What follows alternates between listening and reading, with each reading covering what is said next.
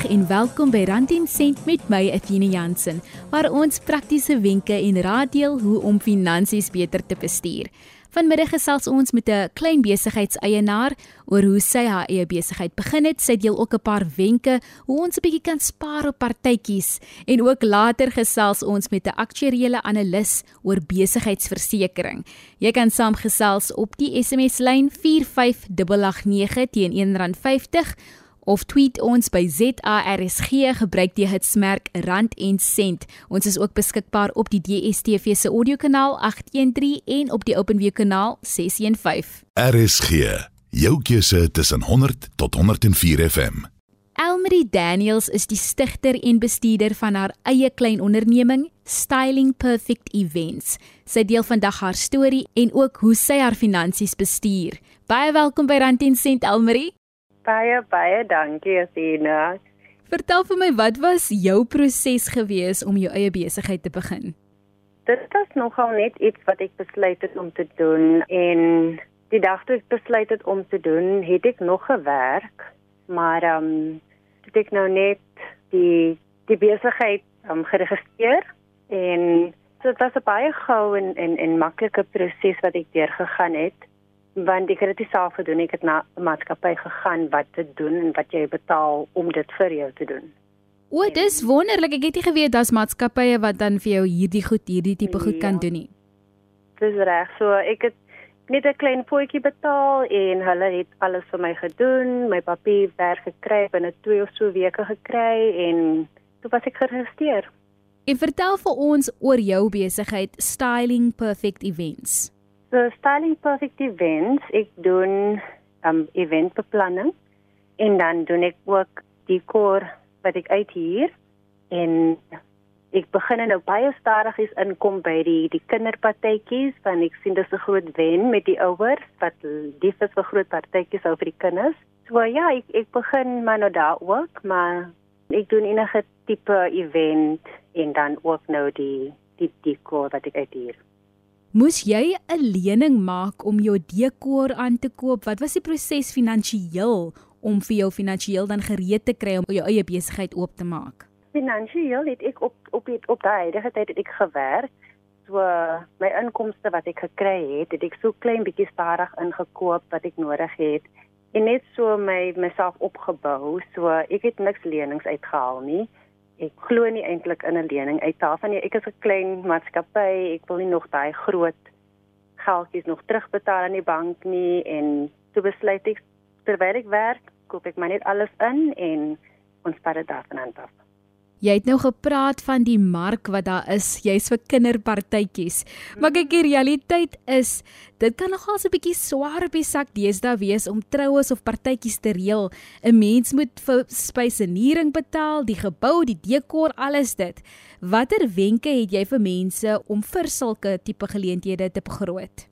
Ek dink vir sulke geleenthede is dit bes as jy miskien jou partytjie bietjie klein hou, nie te groot gaan jy weet in deesdae het ons 100 mense, 150 mense genooi na iets toe en en nou met die pandemie is dit mense het hulle werke verloor en hulle probeer maar om elke geldjie te spaar. So ek sal sê miskien hou die partytjie bietjie kleiner, nie so oorspronklik nie, maar nog altyd mooi en en intimate en dan ehm um, ander ding is as jy miskien 'n venue kan kry wat alles vir jou kan doen, soos die spysenering en dan soos iemand ek wat ek klein dingetjies kan by by sit om dit mooier te laat lyk, dan sal ek sê dit is seker 'n goeie goeie plek om dit te, te doen.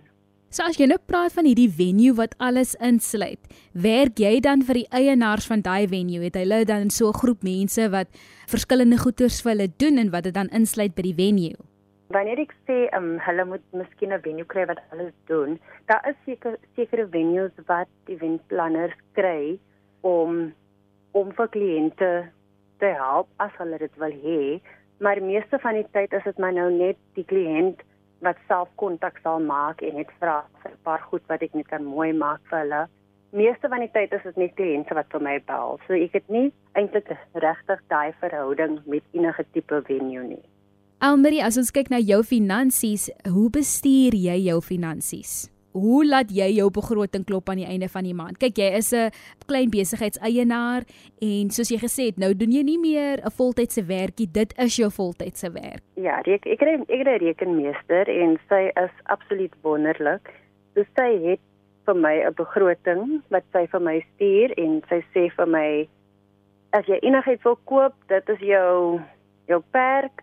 As jy wil save, dis ek meen jy moet jy nie perk vir saving as jy wil save, kan jy save, maar ja, so sy stuur vir my 'n begroting en ek volg haar begroting en sover het dit vir my baie gehelp. Ek kon in my eerste jare nie vir myself 'n salaris gee nie. Ek kan dit nou doen danksy haar. So, um ek sal sê my finansies is dit is nog nie waar ek dit wil hê nie, maar dit is 'n bietjie beter as wat dit gewes het en sy het vir my baie my rekeningmeester het baie vir my gehelp daarmee. Hoe het jy in kontak met haar gekom? Was sy betrokke by 'n bank? Is sy iemand wat onafhanklik werk as 'n finansiële adviseur of 'n rekenmeester wat dan nou vir besighede, klein ondernemings soos jouself uithelp? Ja, sy is sy is 'n klein ook 'n klein maatskappytjie wat klein besighede soos my uithelp. Sy werk oorspronklik vir 'n maatskappy in daai bedryf en sy doen ook net op die kant doen sy iets vir haar as 'n as 'n klein besigheid. Kyk, dit is my altyd so goed om te hoor of so inspirerend om te hoor dat mense terwyl hulle voltyds werk iets kan begin en ek hoor dit met baie van die gaste wat by Rand en Sent gesels dat hulle praat oor ek het 'n voltydse werk gehad en dis hoe ek dan nou my klein besigheid begin het en toe later in besluit het ek bedank my werk en ek volg nou my passie en ja. dit is net wonderlik om te hoor dat mense tyd het en dat mense die werk insit. Ons weet dit kan nie maklik wees nie. Jy is een van die mense wat dit kon doen. Ja. Dan net so 'n laaste vraag. Wat is jou advies aan entrepreneurs soos jouself wat ook hulle eie besigheid wil begin? Ek sal sê as jou hart in dit is, volg jou droom. En as jy moet werk en opbou om dit te doen eendag, doen dit ook as maar as jy kan begin sonder om daai voltydse werk eers te hê, doen dit.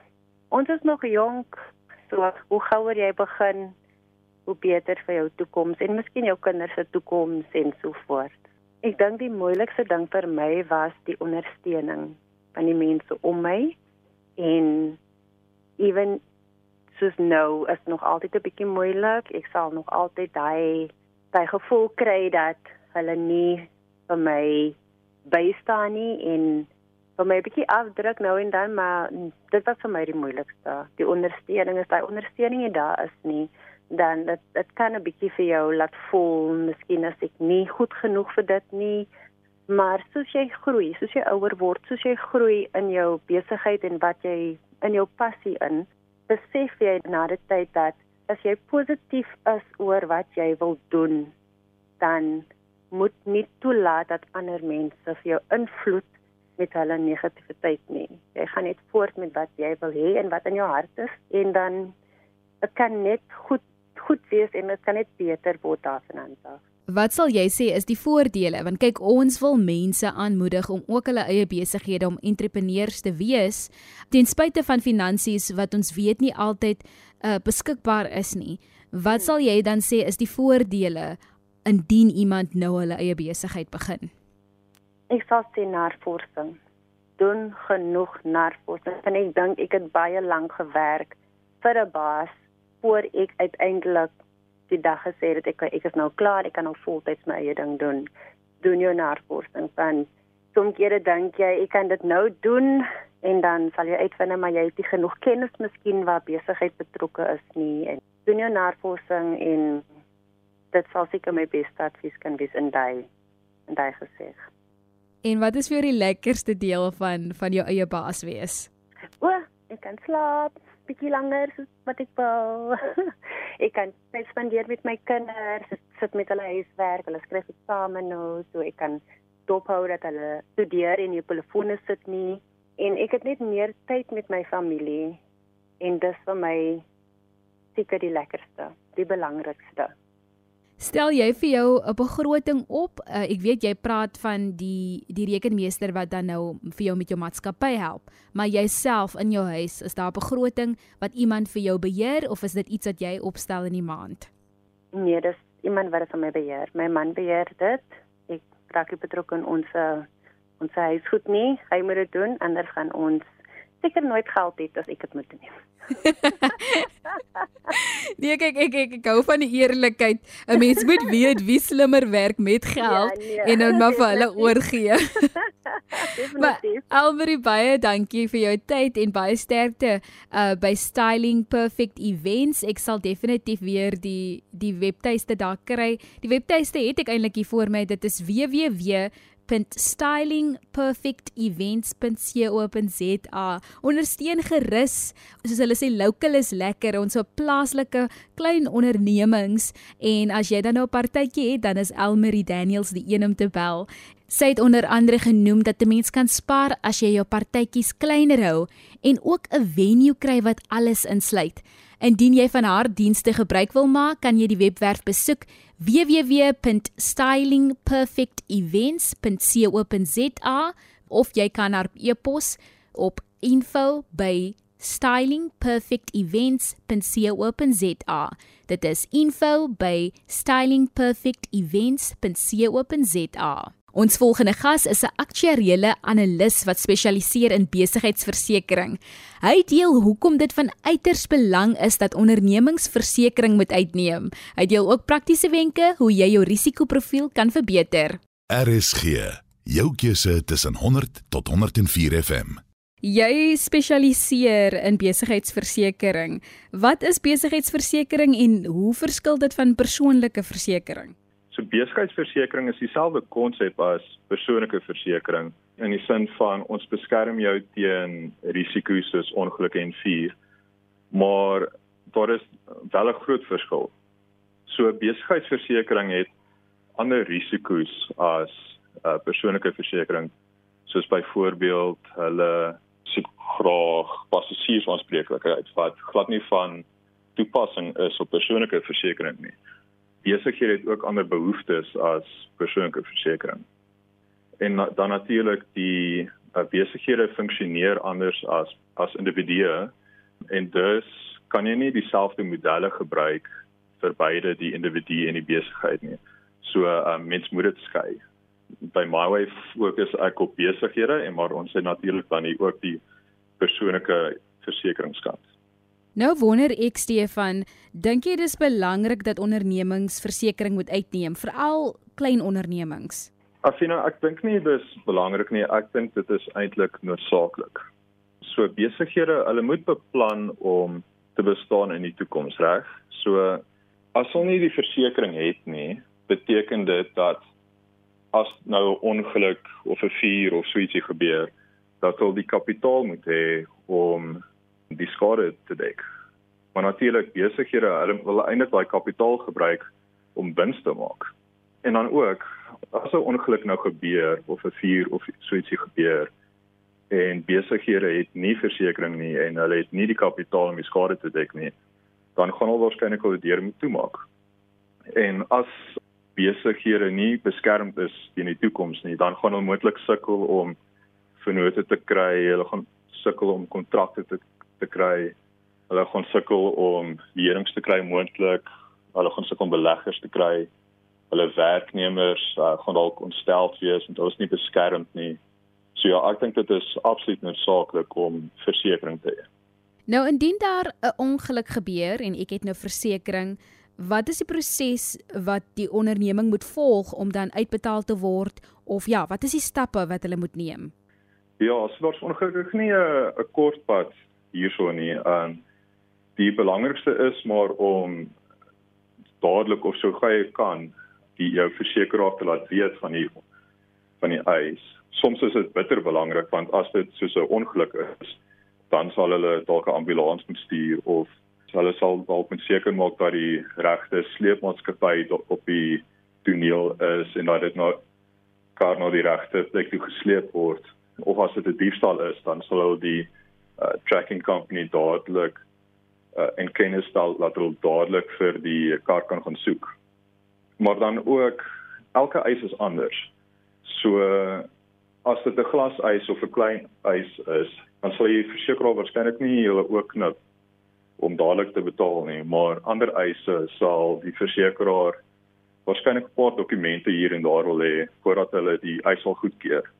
So die beste is maar dat wanneer die versekeraar 'n paar dokumente vry is dat jy dit so gou moontlik kan gee sodat hulle die eis kan goedkeur.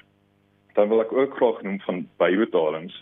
As dit 'n uh, ongeluk is en hulle besluit dat hulle die motor gaan probeer herstel, die paneelkopper gaan nie begin met die herstelwerk totdat die bybetaling gemaak is nie. So uh, wanneer die versekeraar vra dat jy die bybetaling maak, is dit maar die beste om dit so gou moontlik te doen, maar die paneelknopper so gou moontlik kan begin met die herstelwerk. Stefan, hoe kies 'n mens die regte versekerings vir 'n maatskappy of vir 'n onderneming? Watter vrae moet 'n eienaar vra? Ja, dis 'n baie goeie vraag. So natuurlik kyk mens eers na die premie.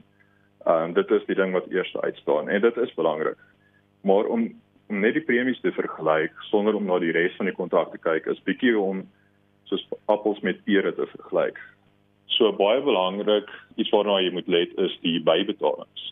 Jy kry verskillende tipe bybetalings. Jy kry 'n vaste bedrag bybetaling of jy kry 'n persentasie bybetaling of jy kry ehm, 'n um, kombinasie van die twee.